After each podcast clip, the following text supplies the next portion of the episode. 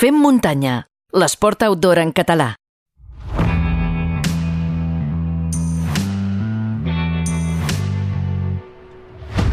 Passem ara mateix per la consulta del nostre coach esportiu de capçalera. Ja el coneixeu, el Guillem Marchal és llicenciat en Ciències de l'Activitat Física i l'Esport i Master Coach per la International School of Coaching. Molt bones, Guillem.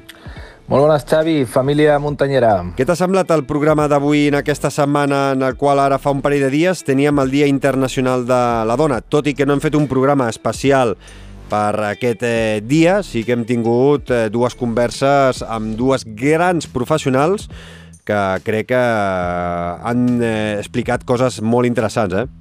Do, doncs mira, precisament això t'anava a dir, que, que, que l'has encertat amb les dues professionals i concretament eh, amb la Sílvia eh, com, com a cap de cartell perquè és una noia espectacular en tots els sentits. Perquè, de fet, ja, ja, ja fa uns anys que som amics, inclús ha estat la meva entrenadora, i, i et puc assegurar que poques persones et parlaran més clar de l'esport, del que és ser esportista i sobretot del que és ser dona i fer esport. I, I en segon lloc també t'haig de dir que, que cada cop em, em fan més mandra aquests dies especials que donen excepcionalitat a coses que, que haurien d'estar perfectament normalitzades. Sí, sí, és que de fet potser si encara s'han de celebrar, eh, és que no estan del tot eh, normalitzades com eh, hauria de ser, eh? No, totalment d'acord, sí, sí. Eh, és que molt hem de reflexionar com a societat si les dones han de seguir fent visible els greuges que tenen, les diferències amb les que es troben respecte als homes, les desigualtats d'oportunitats, etc, amb un dia especial per elles. Això vol dir que anem canviant de generacions i seguim repetint els mateixos patrons masclistes i, heteropatriarcals. De fet, abans es deia el Dia de la Dona Treballadora, posant en valor l'excepcionalitat de que tinguessin una feina fora de les seves obligacions amb la casa, els seus fills el seu marit, clar. I, i ara ens sembla una obscenitat, no?, commemorar el dia de la, el dia de la dona treballadora.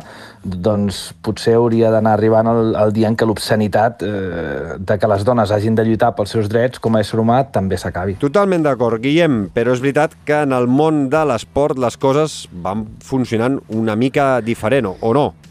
Mm, això és el que ens volen fer creure, però això no passa ni de bon tros. Les dones són expulsades de l'esport constantment, igual que són expulsades de manera encoberta de les feines o de llocs de responsabilitat. La diferència és que ja no es fa de manera descarada, sinó que s'amaga darrere de les convencions socials que els homes som incapaços de canviar. En, en què et refereixes quan dius expulsades? Doncs molt senzill. Eh, eh, quantes lligues socials d'esport femení et trobes? Perquè tu i jo podem anar a jugar a l'esport que vulguem, al poble o ciutat que vulguem com a aficionats, però, però elles no. O un altre exemple, quan et creues amb un grup de corredors o de ciclistes, quantes dones hi van? I si t'inscrius a un gimnàs, quantes dones hi veus? Hem normalitzat una cosa que no és normal. Doncs sí, és eh, cert eh, que els percentatges entre homes i dones vinculats i vinculades a l'esport és favorable als homes, però és cert que avui dia tothom té la llibertat de fer allò que li vingui de gust, o, o, o potser no. Llibertat, eh? Mm, és una paraula tan bonica, però tan imprecisa en aquest cas. Sí. Mira, si mirem els números, veiem que la societat es divideix al 50%, més o menys, entre homes i dones. Però si mirem l'últim estudi del Consejo Superior de Deportes sobre la pràctica esportiva, veurem que aquest percentatge passa un 70-30 a favor dels homes, eh? I que l'abandonament de l'esport per part de les dones a l'arribada de l'adolescència o primera joventut és de més del doble respecte dels homes.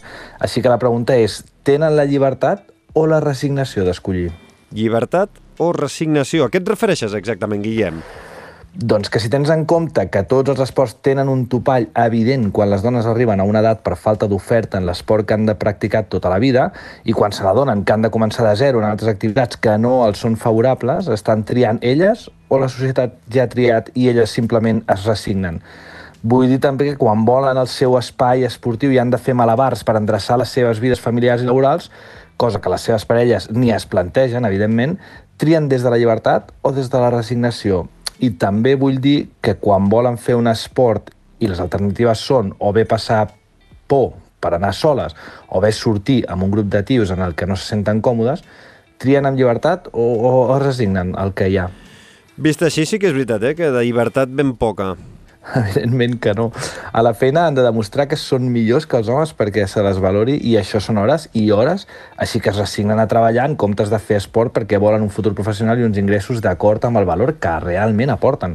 A casa tenen responsabilitats familiars que es dona per entès que han de complir mentre que les parelles ja tenen organitzats els seus horaris d'entrenaments anuals. A la societat han de demostrar constantment la seva vàlua per no aguantar comentaris que els homes no hauran d'aguantar mai de la vida. Això potser se li podria anomenar micromasclisme? No, no, no, no. Això és masclisme de puta mare amb tota la magnitud de la paraula, estandarditzat i acceptat. Doncs mira, no ho tenia present com un punt tan negre, mm, però escoltant-te la veritat, eh? veig que encara hi ha molta feina i molt camí per, per recórrer, eh? -hmm. Sí, certament. Al, al món de l'esport vivim en una realitat paral·lela que ens sembla que està al marge del que hi ha a la societat en general, però res més lluny de la realitat. El fet de que es comenci a veure l'esport femení per televisió, que hi hagi referents femenins importants, de que s'hagin democratitzat molts esports que eren eminentment masculins o de que es comenci a veure l'activitat física com una part essencial de la salut física i mental, ens fa pensar que l'esport són diferents, però els tics que com a societat tenim integrats a la pell no es poden connectar i desconnectar segons el moment, com si fos un interruptor. I per mi, que tinc filles i que sóc professional de l'esport, l'únic objectiu a la vida és que elles integrin la llibertat de ser dones, de ser mares, de ser professionals, de viure l'amor, de ser esportistes, i única i exclusivament, i que siguin el que vulguin i com elles vulguin que sigui. Doncs eh, Guillem, m'uneixo a les teves reivindicacions com a pare també de dues nenes i tant de bo tant de bo que hi hagi un dia en què no existeixi el Dia de la Dona perquè voldrà dir que ja no cal vèncer el masclisme heteropatriarcal. Eh, Guillem, eh, abans de marxar, eh, la pregunta que estem fent avui als nostres oients a través d'Instagram, eh, quan eh, has de sortir a córrer i eh, per la muntanya, una tirada així llargueta, eh, com et planifiques tu la ruta? Com utilitzes un mapa, utilitzes alguna aplicació? eh, vas a l'aventura, com, com t'ho fas? Depèn, depèn. Uh, tirades llargues per llocs uh, reconeixibles, vaig a l'aventura i vaig empalmant trams segons em vingui de gust i segons vulgui estirar uh, la l'aventureta d'aquell dia. Si és un lloc no reconegut, doncs eh, sí, intento buscar una, una aplicació uh, una aplicació que em, que em permeti descarregar-me descarregar, -me, el track perquè bàsicament el no conèixer l'entorn eh, em dona més sensació de, de perill en cas de que tingui algun contratemps perquè tinc el, el, el, la gran virtut o defecte de que sempre eh, surto sol, acabo sortint sol, per tant, eh, per seguretat pròpia i per tranquil·litat de la meva família eh, agraeixen que porti un drac. Però a més a més també sóc molt maniàtic, t'haig de dir, de que, de que m'agrada planificar rutes només circulars. Em fa molta mandra anar i tornar pel mateix puesto, per tant, diguem que li haig de donar un punt més d'imaginació. Això de les rutes circulars eh, ho compartim eh, al 100%.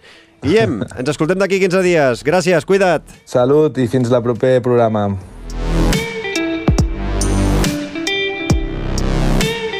Busca'ns i segueix-nos a Twitter, Instagram i a Telegram.